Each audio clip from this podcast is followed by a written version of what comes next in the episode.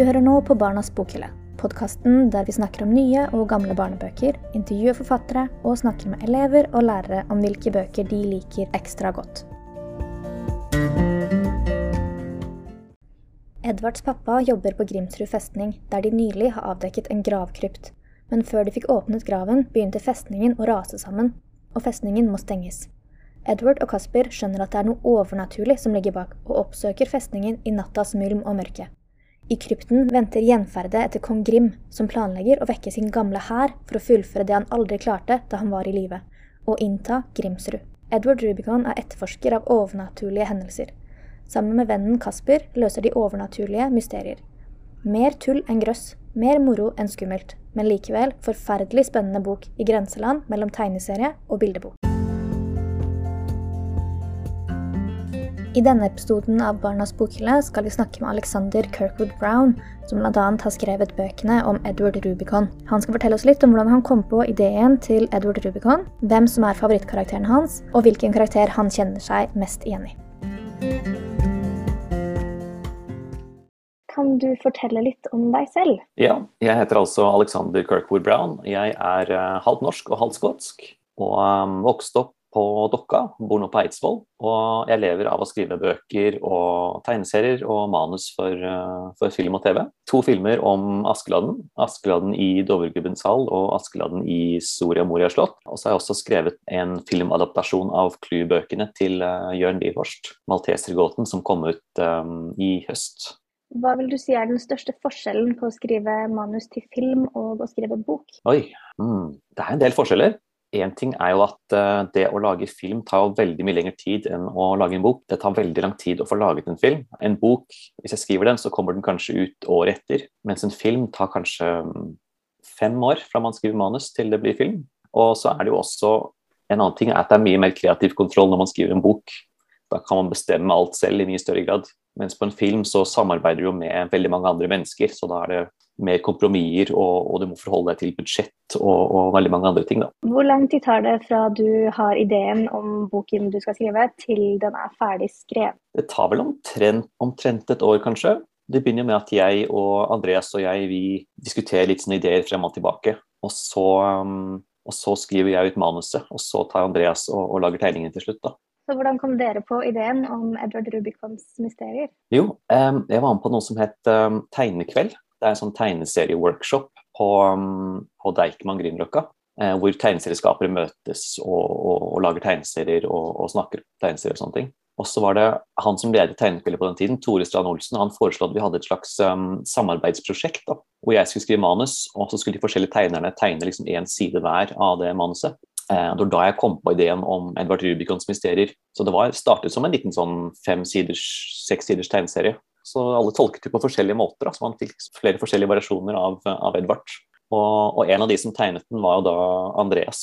Eh, Andreas Iversen. Så vi fant ut at vi likte å samarbeide, og at det var artig å, å, å lage eventyr med Edvard og Kasper. Da. Så vi lagde flere sånne korte historier først, som var med et blad som het Bobla. Og så etter hvert fant vi ut at uh, kanskje det kan bli en bok også. Så gøy. Det er jo for mange av mine elever da, syns det er kjempegøy å tegne og lage tegneserier og alt dette her. Så at de kan få høre at det starta som noe helt smått, er sikkert noe som kan motivere dem voldsomt. Ja, for det var liksom ikke Vi hadde jo ikke noen tanker om noen bok når vi først lagde det her. Vi lagde først, måte, den første historien bare for å, å more oss selv på et vis. da, Lage noe vi syntes var gøy selv. Målgruppen for uh, bøkene, hvem er det? Ja.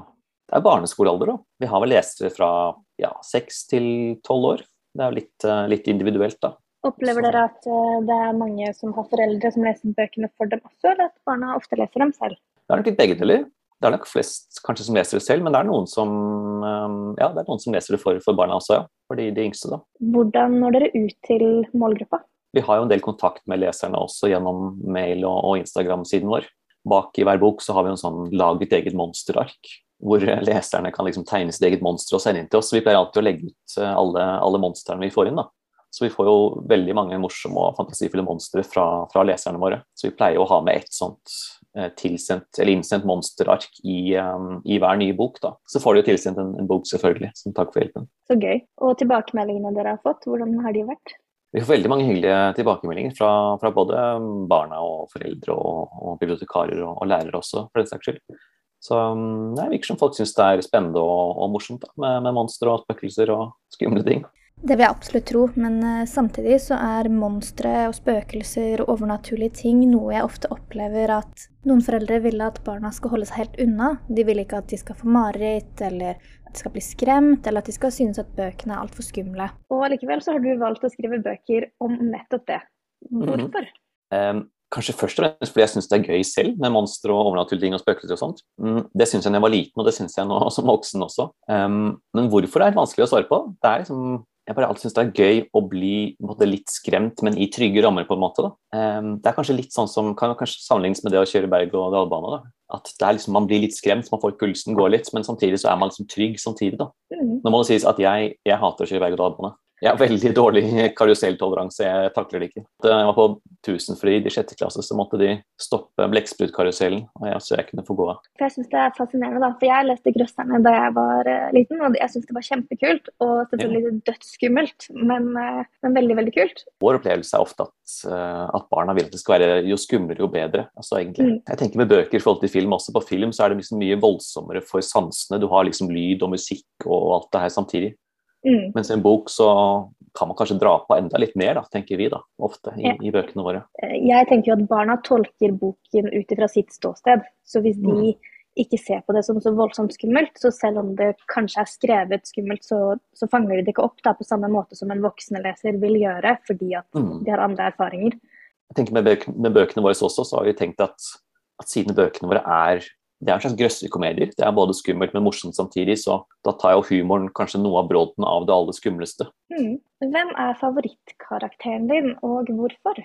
Hmm vanskelig. Jeg er veldig glad i både Edvard og Kasper og Nadira. De er, jo, de er veldig forskjellige og utfyller hverandre, så det er liksom morsomt å, å, skrive for alle tre. Varierer litt. Men mm, jeg må kanskje si Edvard. Det er jo han som liksom er hovedpersonen, og hans stemme og, og sånt som vi følger. Noe av grunnen til jeg syns det er gøy å skrive for Edvard, er jo at han er på den ene siden så er han veldig god til en ting. Han er veldig god til liksom monsterjakt og å løse mysterier og sånne ting. Og så er han også veldig dårlig på på veldig mye annet, som skolearbeid og bare sånn helt normale ting. Så det blir ofte en litt sånn morsom kontrast jeg, jeg er selv ganske god til én ting, jeg er god til å skrive, så jeg er ganske dårlig på veldig mye annet. Så kanskje jeg kjenner meg igjen i Edvard. Kanskje det er det. Det var egentlig mitt neste spørsmål. Føler du at du ser deg selv i karakterene i bøkene dine? Ja, absolutt. Man putter jo litt av seg selv i alle karakterene sine. Jeg er nok sikkert mest lik Edvard, men så er jeg også litt av Kasper og noen ganger litt av Nadira i meg, så mm. Hva var din favorittbok da du var yngre? Jeg har lest én bok og jeg tenkte at oi, det er den beste boken jeg noensinne har lest. Da var jeg litt eldre. da. Det var uh, It av uh, Stephen King. Jeg vet ikke om jeg hadde liksom én favorittbok som liten, men uh, en forfatter jeg også likte, som du nevnte i sted, var jo R.L. Stein, som skrev disse grøsterne, eller Goosebumps på engelsk. da. de likte jeg veldig godt. De var jo sånn, de var grøstere som var liksom passe skumle, følte jeg.